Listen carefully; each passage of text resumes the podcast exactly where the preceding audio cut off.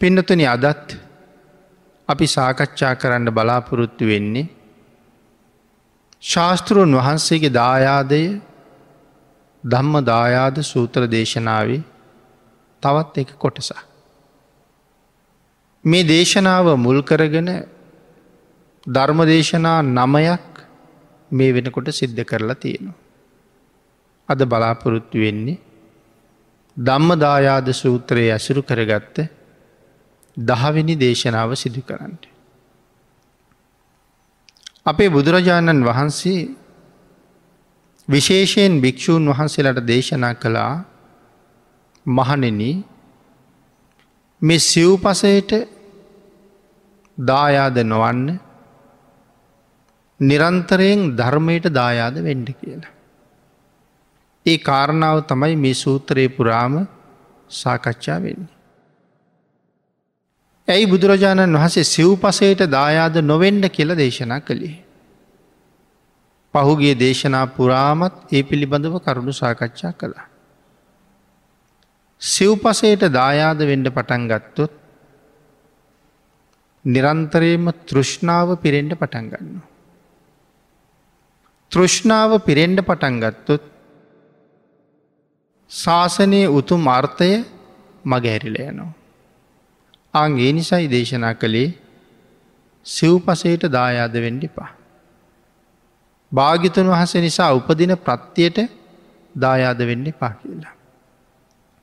මොකද මේ හැම සිව්පසයක්ම සිව්පසේ සියල්ලම අපිට ලැබෙන්නේ බුදුරජාණන් වහන්සේ නිසාමයි. අපි සාකච්ඡා කළා නිෂ්පර්යාය ධර්මය සහ පරියාය ධර්මය. නිෂ්පර්යාය ආමිසේ සහ පරියාය ආමිසය කියලා කාරණා හතරක්. එනම් නිෂ්පර්යාය ධර්මයත් නිෂ්පර්යාය ආමිසයත්. පරියාය ධර්මයත් පරියාය ආමිසය. මේ සියල්ලම භාග්‍යතුන් වහසේට තමයි අයිති. ඇයි භාගිතුන් වහසට අයිති වෙන්නේ බුදුරජාණන් වහන්සේ අනු දැන වැදාල නිසා තමයි භික්‍ෂු සංඝයාට මේ දේවල් ලැබෙන්නේ. මුල්ම කාලි භික්‍ෂූන් වහසලා නිරන්තරයෙන් පිණ්ඩ පාති වැඩිය. ආරාමවලට ගෙනැල්ල දන් දෙන ස්වභාවයක් ආරාධනා කරලා වැඩමෝල දන් දෙන ස්වභාවයක් සලාකබත් සීට්ටුබත් ක්‍රමයක් තිබුණෙ නෑ. පස්සෙ තමයි බුදුරජාණන් වහන්සේගෙන් අවසර ඉල්ලහම එහෙම දන් දෙන්න භාගිතුන් වහසේ අනු දැන වදාලි. ආන්ගේ අනුදැන වදාල නිසා තමයි දායක පිරිස් භික්‍ෂු සංඝයා ඉන්න තැන්වලට ගිහිල්ල උයල පිහල දන් දෙනවා නැත්තං දුරින් හදාගෙන ගිහිල්ල පිළිගන්වලා එනවා. ඒ ක්‍රමය බුදුරජාණන් වහන්සේමයි අපිට අනුදැන වදාලි. අන්න ඒක නිසා ඒ සිව්පසේ අයිතිවෙන්නේ බුදුරජාණන් වහන්සේට. භාගිතුන් වහන්සගේ කරුණාව නිසා අපිට ලැබිල්ල තියෙනවා. එහෙම ගෙනල්ල දෙනකොට දායකයෝ ඕන තරන් ගෙනල්ල දෙනවා. නමුත් සඳහන් කලා මහනින කවදාවත් ඒ සිව්පසයට නං දායාද වෙන්ඩිපා. ඒව රැස් කරන්න ඒව රකින්ඩ තව තව රැස් කරන්න ඒ දේවල්ලොලට ගියොත් ඔබවහන්සේලා ශාසනයට අපපු අර්ථය මගෑරෙනවා. අත්ති මේ භික්කවේ තුම්හේ අනුකම්පා. මහනෙන මට උඹල ගැන අනුකම්පාවක් තියෙන. මේ සංසාරි තුළ. ආං ඒ නිසා හැම වෙලාම මේ ධර්මයට දායාද බවට පත්තෙන්ට. ධර්මයට දාසෙක් බවට පත්වෙන්න කියලා දේශනා කළා. භාගිතුන් වහස දේශනා කරනවා පරිභෝගයට පමණක් සෑහෙන්නක් පිළිගණ්ඩ කියලා. විශේෂෙන් ඒකට කරුණු ගොඩක් පින්නතින විස්තර කළා අල්පේච්චතාවය සන්තුට්ටිතාවය සල්ලේකතාවය පවිවේකතාවය ආදී වශයෙන් උසස් ගුණ වඩමින් ප්‍රතිපත්ති පූරණයට මුල් තැන දෙමින් කටයුතු කරන කෙනා මේ සංසාරි කෙරවල හොයාගණ්ඩ බොහෝම ඉක්මං වෙන කෙනෙක් කියලා. ඊළඟට දේශනා කළා මහනෙන මෙන්න මේ අල්පේච්චතාවේ පිනතන මොකක්ද අල්පේච්චතාවේ ඉච්ච කියලා කියන කැමැත්තට අල්ප ඉච්ච කියල කියන්නේ සුළු දෙයක් පිළිබඳව තියෙන කැමැත්ත. පොඩි දෙයකින් සතුටු වෙන ස්වභාවේ අල්පේච්චතාවේ මේ අල්පේච්චතාවේ කියන එකත් තවත් කාරණා ගණනාවකට භාගිතුන් වහසේ බෙදනවා මහානුරුද්ධ සූත්‍රී. නමුත් මේ සූත්‍රයට අදාළව අපි මේ කරුණු ටික විතරක් සාකච්ඡා කරන්නේ එවන් සූත්‍රවල පැහැදිලි කරලා දේශනා කරලා තියෙන නිසා.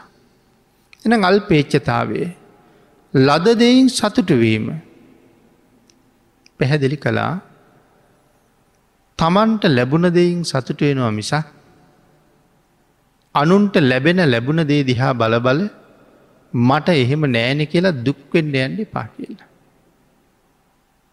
අල්පේච්ච බව නැති නිසා උදාහරණයක් සඳහන් කළොත් දායක මහත්මයෙක් අඹගෙඩි දෙකක් අරගෙනැවිල්ල දෙනමකට පූජ කරනවා. එක භික්‍ෂුවකට හිතෙන්ට පුළුවන් මගේ අඹගෙඩිය ඉදිල මදි. මගේ අඹගෙඩිය අර අඹගෙඩියට වට කුඩයි. ඒවා ගේවාගේ හිතෙන්ට පුළුවන්. වෙනත් ආහාරයක් පිළිගැන්නුවත් එහෙමයි. මට ලැබුණ එක ඒ තරන් ප්‍රනීත නැතුව ඇති. හැබැයි අරතැනට ලැබුණ එක බොහොම හොඳයි. ඒක හරි ප්‍රනීතයි. ඒක ලොකුයි එතන සෑහෙන්ට තිබුණා නමුත් මගේ ප්‍රමාණය මටද මදිවාගේ හැඟීමක් ඇතියෙනවා. බුදුරජාණන් වහන්සේ දේශනා කළේ තමන්ට ලැබුණ දේ පිළිබඳව සතුටුවෙන්ට. නොලැබුණ දේ පිළිබඳව හිතන්ඩ යන්ඩත් එපා අනිකාගේ දේදිහා බලන්ඩ යන්නත් එපා. එහෙම වෙලාවල් වල අකුසලයක් රැස්වෙන්ඩ තියෙන ඉඩ වැඩි. දවේශය උපදින්ට තියෙන ඉඩත් වැඩි. සමහර වෙලාවට දායකය ගැනත් දවේශය උපදිනවා. ලැබුණ භික්‍ෂුව පිළිබඳවත් දවේශය උපදිනවා. එනිසා තමන්ට ලැබුණ දෙයින් සෑහීමකට පත්වෙන්ට. තමන්ට ලැබුණේ හොඳම දේ කියලා හිතන්ට. ඊළඟට පින්නතුනේ තමන්ට යම් ආහාරයක් ලැබිල තියෙනවා ඒක මට අද දවස යැපෙන්ඩ ප්‍රමාණවත්. තමන්ට අද දවස යැපෙන්ඩ ප්‍රමාණවත් තරමක් ලැබිල තියෙනකොට තවත් ප්‍රනීත වූ දේවල් බොහෝසේ පස්සෙගේන්ට පුළුවන්. නමුත් මේ ටික අස් කරල එයින් ටිකක් බෙදාගෙන වලඳනවා කියන තැනට යනවට භාගිතුන් වහස කැමැත්තක් දැක්වෙනේ. මොකද එතන තියෙන්නේ ප්‍රනීත දේ පිළිබඳව තෘෂ්ණාවක්. ආං ඒ තෘෂ්ණාව නැති කරන්න තමයි බුදුරජාණන් වහසේ ධර්ම දේශනා කරන්නේ. ආං ඒ නිසා දේශනා කලා ශ්‍රාවකයු නැවත නැවත තෘෂ්ණාව පොදි බඳිනවනං ඔවුන් භාගිතුන් වහසගේ ධර්මයට දායාද වෙලා නෑ. සිව්පසයට දායාද වෙන්නයි හදන්න. එහෙම භික්‍ෂූන් පිළිබඳව තමයි භාගිතුන් වහන්සේට අනුකම්පාවක් ඇතිවෙනවා කියලා දේශනා කළේ. එනම් අල්පේච්චතාවය කියලකිවේ ලද දෙයින් සතුටුවීමේ ගුණේට. ඊළඟට දේශනා කළා තමන්ට ලද දෙයින් සතුට නොවී නැවත නැවත ලාභ බලාපොරොත්තු වෙනවන. අද යමක් ලැබෙන අද චීවරයක් ලැබෙනවා. ඒක ගැන ලොකු සතුටක් නෑ මීට වඩා හොඳ එකක් ලැබෙනවනම් හොඳයි කියලා හිතනවා. නැවතත් එකක් ලැබුණහම ඒක පිළිබඳව ලොකු කැමැත්තක් තියෙනවා නමුත් පරිහරණය කරන්න ගිහිල්ල ආයෙත් සතුටක් නෑ තවත් එකක් ලැබෙනවනම් හොඳයි කියලා හිතනවා. අන්න එහෙම එහෙම හිතන එක නැවත නැවත ලාභ බලාපොරොත්තු වෙන එක සඳහන් කළා අත්‍රිච්චතාවය කියලා. ඒකත් බුදුරජාණන් වහස අගේ කරන්නේ අගේ කරන්නේ නෑ. ඊළකට භාගවතින් වහස සඳහන් කරනවා පාපිච්චතාවය කියලා. මොකද මේ පාපිච්චතාවය කියල කියන්නේ. ලාභ අපේක්ෂාවෙන් තමන් ශ්‍රද්ධාවන්තයෙක් නොවී ශ්‍රද්ධාවන්තයෙක් වගේ කටයුතු කරනවා. තමන් ගුණවතෙක් නොවී ගුණවතෙක් වගේ කටයුතු කරනවා. තමන් සිල්වතෙක් නොවී සිල්වතෙක් වගේ කටයුතු කරනවා. තව විදිහකට කීවොත් සමහර අය ළඟ චරිත ගොඩක් තියෙනවා. බුදුරජාණන් වහන්සේ චරිත ගොඩක් තියෙනවට කැමතිනේ. කෙනෙක් ඇති තැනත් කෙනෙක් නැති තැනත් එකම පුද්ගලයෙක් ඉන්නවනක් තමයි වටින්නේ. එහෙම නැත්තං ඒ තුළ යට තියෙනවා ලොකු වංචාවක්. ගුණවත් නෑ.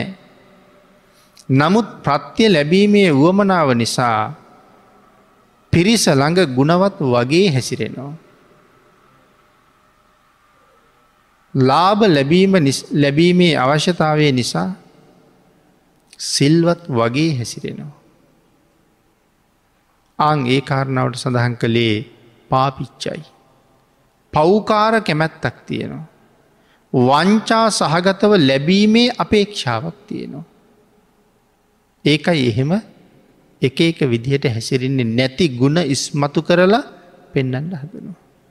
පාපිච්චතාවේ. ඊළඟට භාගිතුන් වහසේ සඳහන් කළා යම් කෙනෙක් තුළ මහිච්චතාවේ තියෙනවන. මොකද මේ මහිච්චතාවේ කියල කියන්නේ. සඳහන් කළා තමන් ශ්‍රද්ධාවන්තයකු හැටියට ඉඳගෙන ඒ ශ්‍රද්ධාව පෙන්නන්ඩ යන මම ශ්‍රද්ධාවන්තයෙක්. තමන් සිල්වත් නමුත් භාගිතුන් වහසේ එක කාටවත් පෙන්නනවට ලොකු කැමැත්තක් නෑ. තමන් සීලවන්තයෙකු වෙලා සමාධි සම්පන්නයකු වෙලා ඇති ගුණයට ගරුබුහුමන් ලැබීමේ අපේක්ෂාවද පමණ නොදැන පිළිගැනීමද. හැබැවින්ම ඒ භික්‍ෂුව සිල්වත්. හැබැවින්ම ඒ භික්‍ෂුව ගුණවත්. හැබැවින් ඒ භික්‍ෂුව භාවනාදී ගුණ සම්පූර්ණ කරන නිසා සමාධි සම්පන්නයි. ස්වභාවයෙන්ම ගුණවත්. හැබැයි ඒ ගුණවත් බව දායකයට පෙන්නන්ඩත් උත්සාහ කරනවා.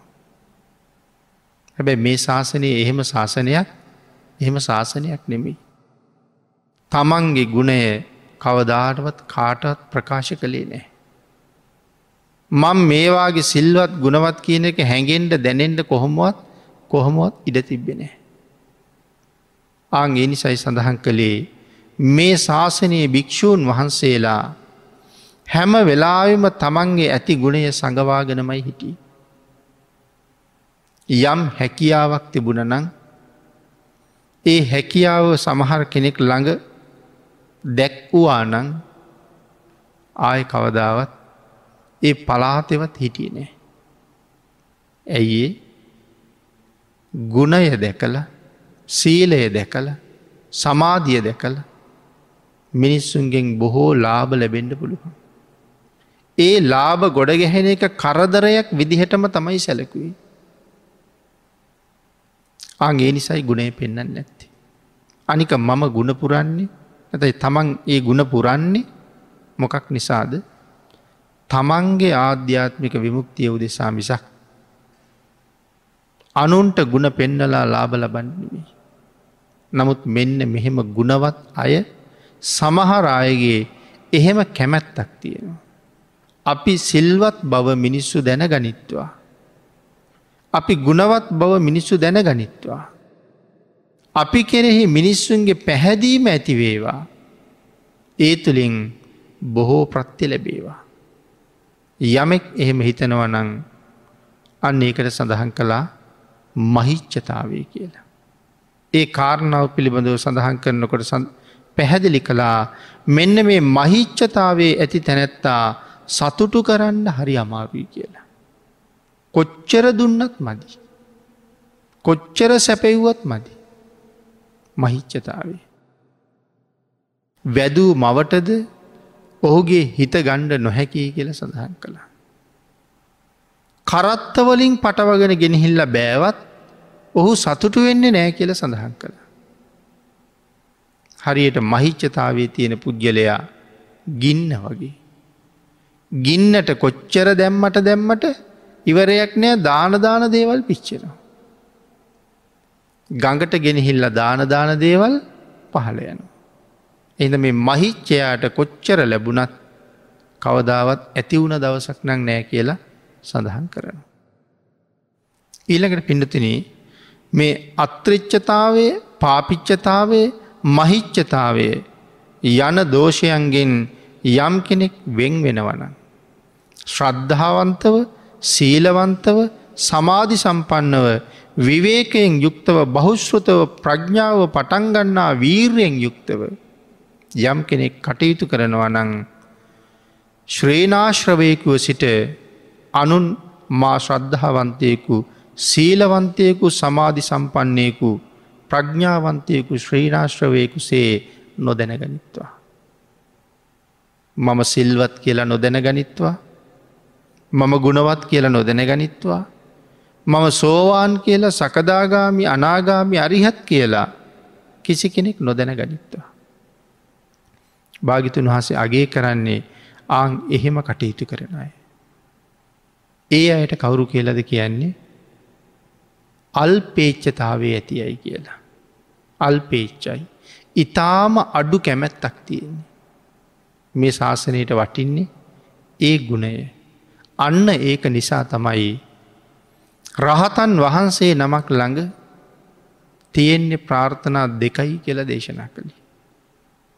මොකක්ද රහතන් වහන්සේ ළඟ තියෙන ප්‍රාර්ථනා දෙක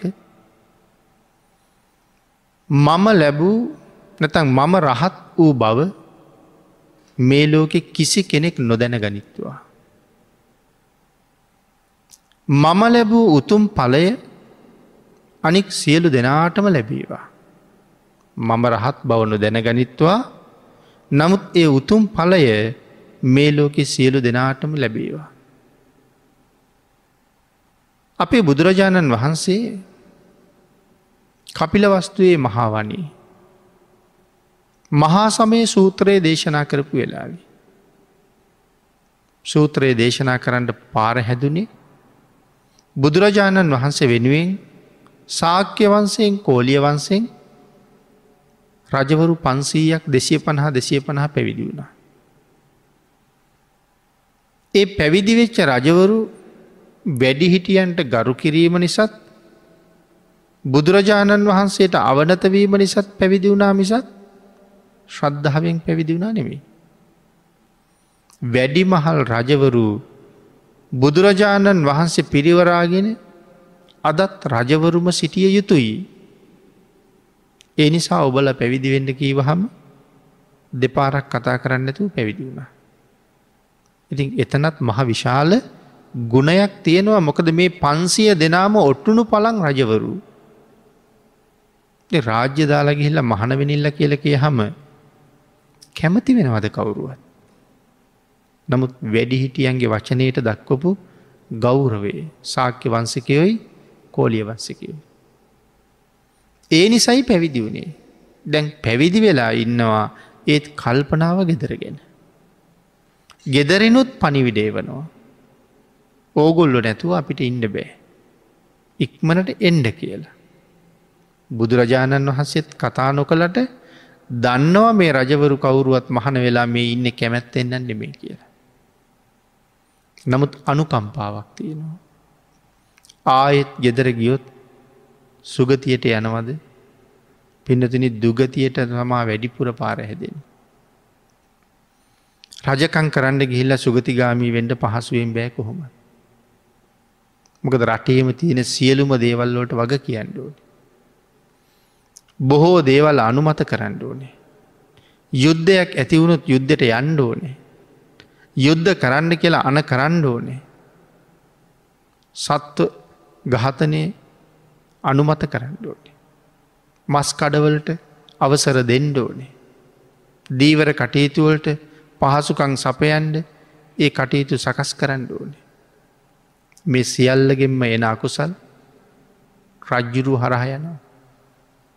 සමහරු සැපසේම පව් කරනවා සමහරු දුකසේම පව් කරනවා. බොහොම සැපට ඉඳගෙන පව් කරන්නත් පුළුව. සමහර වෙලාවට යුද්ධයකට අන කරන ප්‍රධාන සේනාධනායකය බවට පත්වෙනෙත් රටේ රජ්ජුරුව. රාජ මාලිගාවේ ඉතාම සුවදායකව වැඩඉඳගෙන එහෙනම් දැම් පටන් ගණ්ඩ කියල කීවොත් තමයි ඒ සෙබලු යුද්ධ පටන්ගන්න. එක සෙබලෙක් ගිහිල්ල දහ දෙනෙක් මැරුවත් දහ දෙනෙක් මරාපු අකුසලේ එයට අයිති. නමුත් සෙබලු දාහක් විතර ගිහිල්ලා එක්කෙනා දහ දෙනා ගානේ දස් ගානක් මරහම ඒ දස් ගානගේ මකුසලේ රජ්ජුරුවන්ට අයිති. ඉතින් භාගිතුන් හස දන්නවා මේගොල්ලු මේ ආපහු ගෙදර ගිහිල්ල මේ සසරින් මිදෙනව නෙමෙයි. එහින්ද මේ අයට අනුකම්පා කරන්න ඕනේ. ඒ අය ළඟට ගිහිල්ල කතා බහ කළා. ඔක්කොම තමන්ගේ ඥාතීන්නේ කතා බහ කරලා කුණාල පොකුණ ගැන විස්තර කළා. විස්තර කරහම හැමෝටම කුණාල පොකුණ බලන්ඩයන්ට ආසයි. දැන් දන්නවා හැමෝම කුණාලපකුණ දැන් හිතින් මව මවා බලන ස්වභාවය ඉන්නේ. මහනිනි කැමතිද යන්න කෙලෙහුවා. ස්වාමීණි යන්නඩන් කැමති ඒ වනටතින් අපි යන්න කොහොමද. සඳහන් කලා මගේ ඉරදියෙන් එක්ක යන්න. භාගිතුන් වහන්සේ ගීරදියෙන් පන්සීය මරගෙන කුණාල පොකුණයි පෙන්න්නට එක්ක ගිය. මේ වගේ පොකුණු කොහෙද තියෙන්නේ ජම්බුද්ධීපි තියෙනවා හිමාලය ආශ්‍රය කරගෙන යොදුන් පන්සීයක් උස කඳු මුදුන් අසූ හතරදාහ. මේ මේ කඳුවල යොදුන් දෙසීයක් විතර උඩට ගිය හම මිනිස් ඇහැට පේන්නේ නෑ. යොදුන් දෙසීයක් කියල කියහම සැතපුම් දස් ගාන මිනිස් ඇහැට පේන්නේ. ආං ඒ තරම් දුර එක්ක ගිය සතපුම් දස් ගානක් නෙමේ සතපුම් උදස් ගානකට ආසන්නයි. හිමෙන් වැහිලා තියෙන්නේ අභිග්ඥාලාබින්ට පේනවා. ඒ තරන් කඳුමුදුන් නොල තමයි මේ විශාල පොකුණු පිහිටලා තියෙන්නේ. මන්දාකිනි පොකුණ කුණාල පොකුණ චද්දන්ත විල කරණමුන්ඩ විල අනවතප්ත විල අපි කතා කරන මේ විල්. එකින් එකට වෙනස් පුදුම විචිත්‍ර බවක් ධර්මයෙන් සඳහන් කරලා තියෙන. මේ කුණාල පොකුණේ ඉන්නවා මනුස්ස ලෝකෙ සාමාන්‍යයෙන් දකින්න නැති විවිධ මත්ස්‍ය වර්ග සහ ඉතාම ලස්සන කුරුල්ලු. මේ භික්‍ෂූන් වහසලට සඳහන් කලා කැමති දෙයක් බලන්ඩ තේරෙන් නැති දෙයක් මගෙන් අහන්ට. ඉතින් එහෙම කරුණු කතා කරනකොට දැකක් කුණාල සකුණ රාජා කිරිල්ලියෝ දෙන්නෙක් එක විචිත්‍ර කතාව කෝටුවක් හපාගෙන ඉන්නවා. ඒ කෝටුව මැද කුරුල්ලෙක් වහලා ඉන්නවා. ඒ කිරිල්ලියෝ දෙන්න ඉගිල්ලෙන්නේ කෝටුව හොටෙන් දරාගෙනමයි කුරුල්ල ඉගිල්ලෙන්නේ නෑ. කුරුල්ල කෝටුවේ ඉන්නවා කිරිල්ලියෝ දෙන්න ඉගිල්ලෙනවා. උඩින් කිරිල්ලියෝ දෙන්නෙකුත් දෙපැත්තින් කිරිල්ලියෝ හතර දෙනෙකුත් යටින් කිරිල්ලියෝ ප්‍රමාණයකුත් යනවා දෙන්නේ. මේ විශේෂ පක්ෂයා ගැන දැකල ඇහුව ස්වාමීණී කවුදේ කියලා. මහනිනි ඔය තමයි කුණාල සකුණ රජ්ජුරු මහනිනි ඔය පෙර මගේ වන්සය. මමත් සකුණ රාජා වෙලා හිටිය. හැබැයි මට සැලකුව ඔහොම නෙමෙයි. එදා මගේ හිසට ඉහලින් කිරිල්ලියෝ පන්සීයකුත් යටින් කිරිල්ලියෝ පන්සීයකුත් දෙපැත්තෙන් පන්සීය පන්සියත් කිරිල්ලියෝ දෙදාහක් හිටිය මගේ රැකවරණයට. කියන කාරණාව දක්වල කාන්තාව පිළිබඳව කරුණුත් දක්වල අවශ්‍ය ධර්මකාරණා පැහැදිලි කරහම අර හාමුදුරුවරුන්ට ගිහි ගෙදර පිළිබඳව තිබිච්ච ඇල්ම නැත්තටම නැති වෙලා කුණාල පොකුණ ළඟදි සෝවන්න. මගේ ඉරදියෙන් එක්කාපු අයට දැන් තමන්ගේ ඉරදියෙන් ආපහු එන්ඩ පුළුවන්. උන්වහන්සේලා වඩින්ට කලින් බුදුරජාණන් වහන්සේ හිමාලිට වැඩලා යොදුන් ගණනක රත්තරම් පරුවතයක් උඩ යොදුන් දොළහක් විතර උස මහ විශාල සාල රුක්ෂයක් යට භාගිතුන් වහසේ වැඩ හිටිය කියල සඳහන් කරනවා.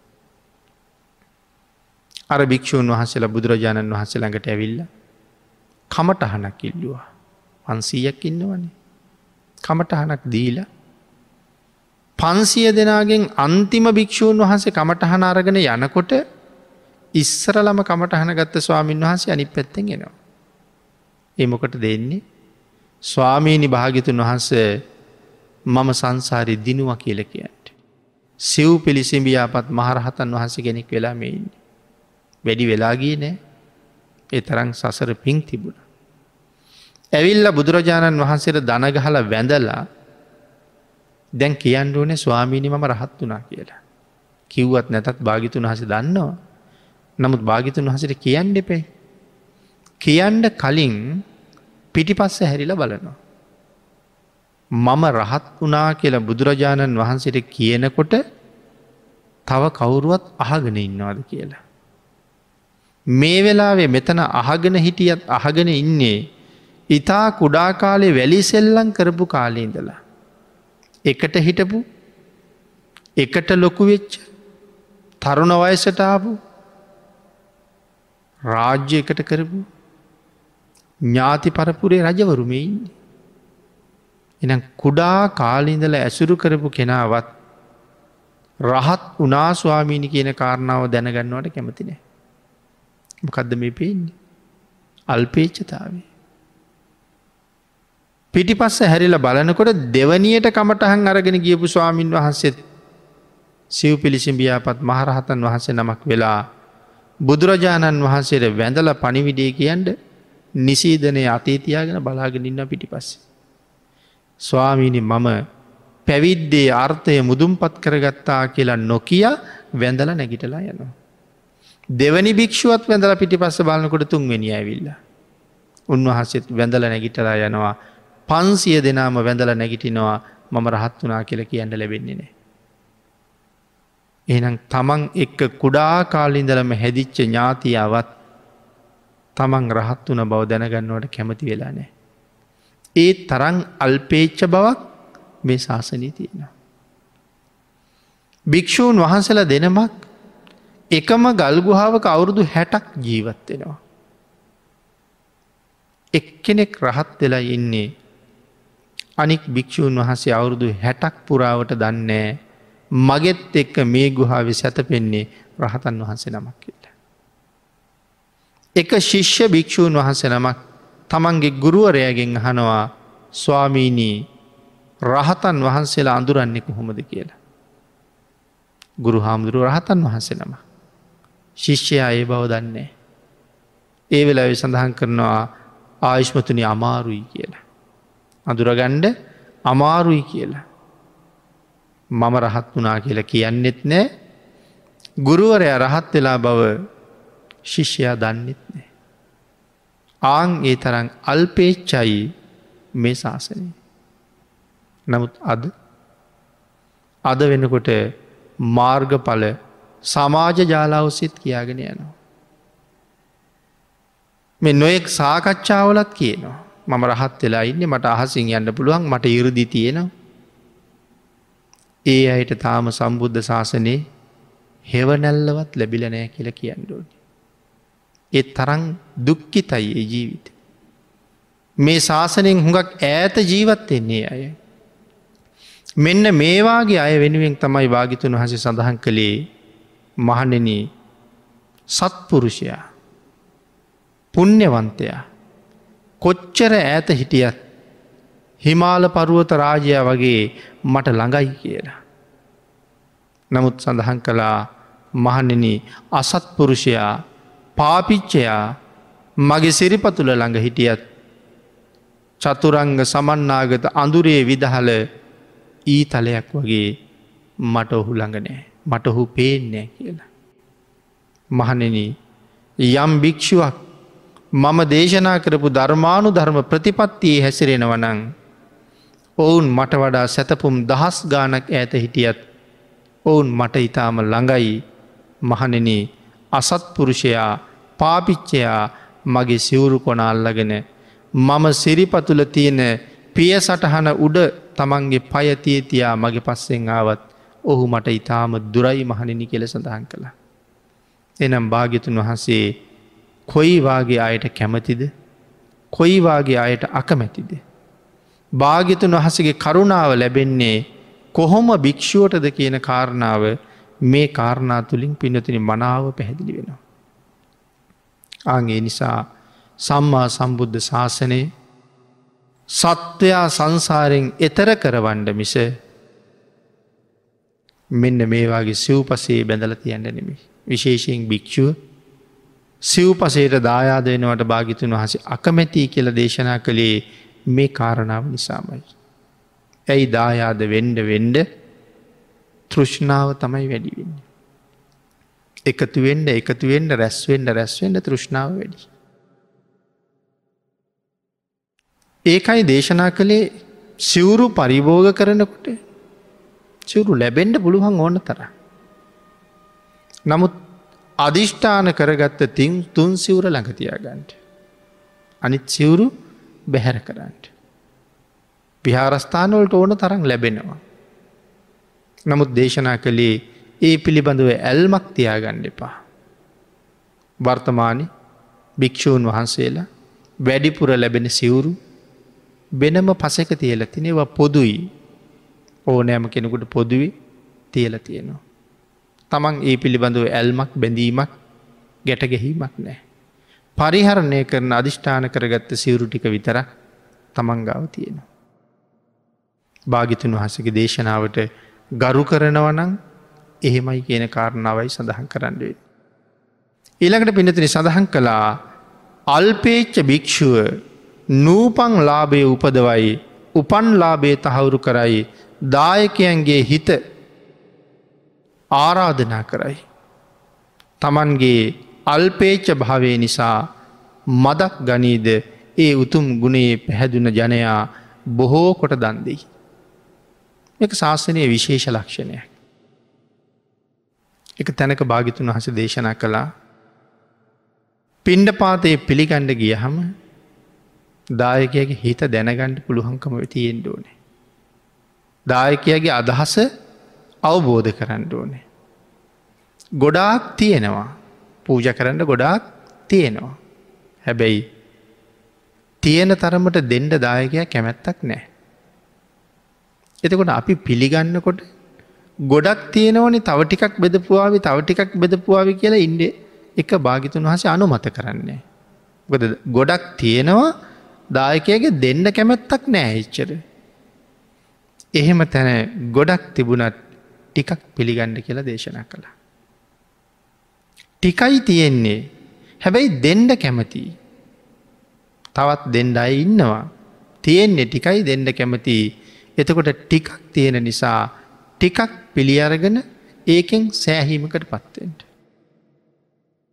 ගොඩක් තියෙනවා දෙන්ඩත් කැමති තමන්ට අවශ්‍ය ප්‍රමාණයට විතරක් පිළිගන්ට. යම් භික්‍ෂුවක් එහෙම කටයුතු කරනව නං අන්න ඒ භික්‍ෂුව නූපන් ලාභය උපදවනවා කෙල් දේශනා කළ. අං එවන් භික්‍ෂූන්ගේ ගුණය දකිනවා. ගුණය දැකල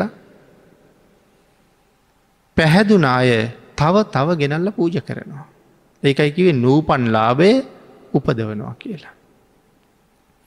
එක අවස්ථාවක එක රජ කෙනෙක් භික්‍ෂූන් වහන්සේ නමකට කාරණාවක් මතක් කළා. රජ්ජුරුවන්ට ලොකූ කැමැත්තක් තිබුණ වටු මස් අනුභව කරන්නට. හජිරු හරි සිල්වත් ධාර්මික තිස්ස රජ්ජුරු නමම ධර්මිකයි. නමුත් වටුමස් කණ්ඩ කැමැත්ත තිබුණට රජ්ජුරුවන්ට මේ රටවැසියකුට කිව්වනම් මට වටුමස් කෑමේ අවශ්‍යතාවයක් තියෙනවා කියලා රජ්ජිරුවන්ට හැම පැත්තෙම වටුව ලැබෙන්ඩ ගන්න. රජ්ජුරුව දන්නවා ඒගේන්ට මං වෙනුවෙන් මරලා රජ්ජුරුව ඒකට කැමතිනේ. තුන් අවුරුද්දක් ගියා වටුමස් කෑමේ කැමැත්ත හිතේ තියාගෙන. බැරි තැන රජ්ජුරුව තාමත් ඒ තන්හාාව හිතී තියෙනවා. තමන්ගේ රාජපුරුෂයක්ගෙන් අහනවා මේ රටේ ඉන්න සිල්වත් උපාසකයෙක් කවුද කියලා. ඊට පස්සේ අඩගහගෙනවා. බොහෝම සිල්වත් කෙනෙක්. ඇවිල්ල කතා බහ කරලා උපාසක මහත්තයයක කරුණු සාකච්ඡා කරලා යන්න කිව්වා. පස්සේ මෙයා තවත් සිල්වත්ද කියලා පරීක්ෂා කරන්න හිතුනා. රාජපුරුෂයකුට කතා කරලා කුකුලෙක් දීල කිව්වා අර උපාසක තැනට ගිහිල්ල මේ කුකුල දීල කියන්ඩ මෙයා මරලා මට උයාගෙන එන්ඩ කියලා. රාජපුරුෂයා ගිහිල රජ්ජුරුව කියපු කතාව කීවා. රාජ ආග්ඥාවනේ මේක මගහැරියොත් දඩුවන් ලැබෙන්ඩ පුළුවන්. සිල්වත් නෙමේ කොහොම උන්නත් කෙනෙක් ඒ වෙලාවට සිල් කඩන්ඩ පුළුවන්. නමුත් දිවි හිමියෙන් සිල් සමාදන් වෙන්ඩන භාගිතුන් වහස දේශනා කළේ ජීවිතයේ නිසාවත් සිල් කඩන්ඩ එපා කියලා. මේ වෙලාවේ උපාසක මහත්තයා රාජපුරුෂයට සඳහන් කළා මට මේ වැඩේ නම් කරන්න බෑ. මට බෑ කුකුල මරලව් යන්ඩ.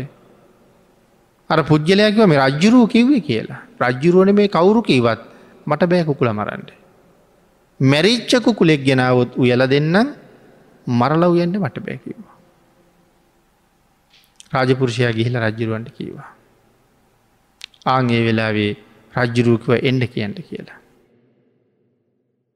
රාජ ආග්ඥාව පිළිගත්ත නැති හින්ද දංගෙඩියට ගෙනහිල්ල හිස ගසාදාන්න කිව්වා. දැන් අත් දෙක පිටි පස්සට කරලා බැඳගෙන වද මල් කරේ දාගෙන වදක බෙර ගහගහ දංගෙඩිය ගාවට ගෙනිච්චා. මරන්නේ නෑ. රජ්ජුරුව ආයෙත් කුකුලෙක් දීල කිව්වා දංගෙඩිය ගාව නවත්තලා අහන්ඩ ජීවිතය දෙනවද කුකුල මරණවාද කියලා. දංගිරිය ගාවට ගිහිල් ආයෙත් කුකුලෙක් අතට දුන්න. දී ලැහුව ඔඹ මොකද කියන්නේ. ඔඹ මේ කුකුල මරල රජ්ජිරුවන්ට උයල දෙනවද නැත්තං උඹ මැරෙනවද කිය ලැහවා. උපාසක මහත්තය කුකුල ඉල්ල ගත්තා.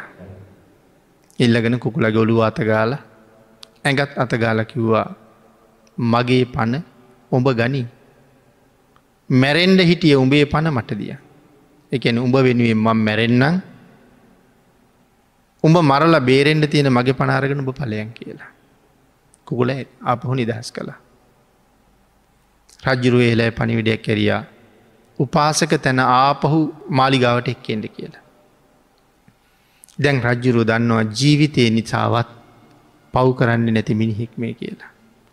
අන්න ඊට පස්සේ උපාසක මහත්තයට බොහොම ප්‍රසංසා කරලා සත්කාර කරලා ළඟට අඩගහලා රහසින් කැඳවලා කිව උපාසක තැන මට තුන් අවුරුද්දක් වටු මස් කෑමේ අවශ්‍යතාවයක් තියෙනවා. මේ රටේ මිනිහෙකුට කීවොත් වටුව මරමර මට ගෙනත් දෙනවා. මං ඒකට කැමති නෑ. ඔඹවාගේ සීලවන්තේ කවදාවත් මම වෙනුවෙන්වත් ජීවිතය වෙනුවෙන්වත් ප්‍රාණගහත කරන්න නැති බවයි මං මේ තේරුම් ගත්ති. පුළුහන්නං මට වටු මස්්ටිකක් හොයල ගෙනත් දෙන්න කියලා. රජ්ජුරුව මොකක්ද මේ බැලිවේ. රජ්ජුරුව වෙනුවෙන් මරලා ගෙනීද කියලා. එහෙම නොකරන කෙනෙක් හොයන්නෙමි. උපාසක තැනැකිව ඕකත් වැඩක්ද මහරජය. පහුවදාම ගියා වෙළඳ පොලට. මරාපු වටුව ඕන තරන් ඉන්නවා. එතනින් වටුව දෙන්නෙක් අරගෙන ඇවිල්ල උයලා රජ්ජිරුවන්ට ගෙන හිදුන්න. දහවලේ භික්‍ෂූන් වහන්සේ නමක් පින්ඩ පාති වඩිනවා. උන්වහන්සෙත් එක්ක එදා මගදි හම්බවෙච්ච භික්ෂුවක් පින්ඩ පාති වැඩිය. උන්වහසක පිටි පස්සෙන් ගිය පාරිදි හම්බ වුණේ අදුරන්ඩ නෑ රජ්ජුරු දැන් භික්‍ෂූන් වහසලට වටු මස් බෙදෙනවා. වටු මස් බෙදාගෙන දැන් වටුව දෙන්න නින්නේ. ලොකු හාමුදුරුව වටුවගෙන් භාගයක් කරගත්තා. අනික් හාමුදුරුවෝ ඉතුරු එක හමාරම ගත්තා. දැන් රජ්ජුරුවන්ට වටු මස් නෑ. තුන් අවුරුද්දක් තිසේ බලාගෙන ඉඳලා. දානෙ වලඳලා යනකොට ලොකු හාමුදුරන්ට කිව ස්වාමීනී මීට පස්සේ පින්ඩ පාති වඩිනකොට වත පිළිවෙත දන්න සංඝයා එක්ක වඩින්ට කියලා. ලොකු ආමුදුරුවන්ටත් කරන්න දෙයක් නෑ මේ පාරෙන් හම් වෙච්චි කෙනෙ. පහුවදා වඩිනකොට උන්වහන්සේගේ ශිෂ්‍යයා එක්ක ගියා. උන්වහන්සේ එක්ක ගිහිල්ල දානයට වැඩ හිටිය එදත් වටුමස් හදල තිබ්බා. වටුව පිටිම්ම උයලා ලොකු හාමුදුරුවන්ට පිළිගැන්නවා පොඩි හාමුදුරුව ළඟට ගිය. අදත් රජ්ජිරුවන්ට ඉතුරුවෙයිද දන්නේ. නමුත් හරි වත්ත සම්පන්නයි.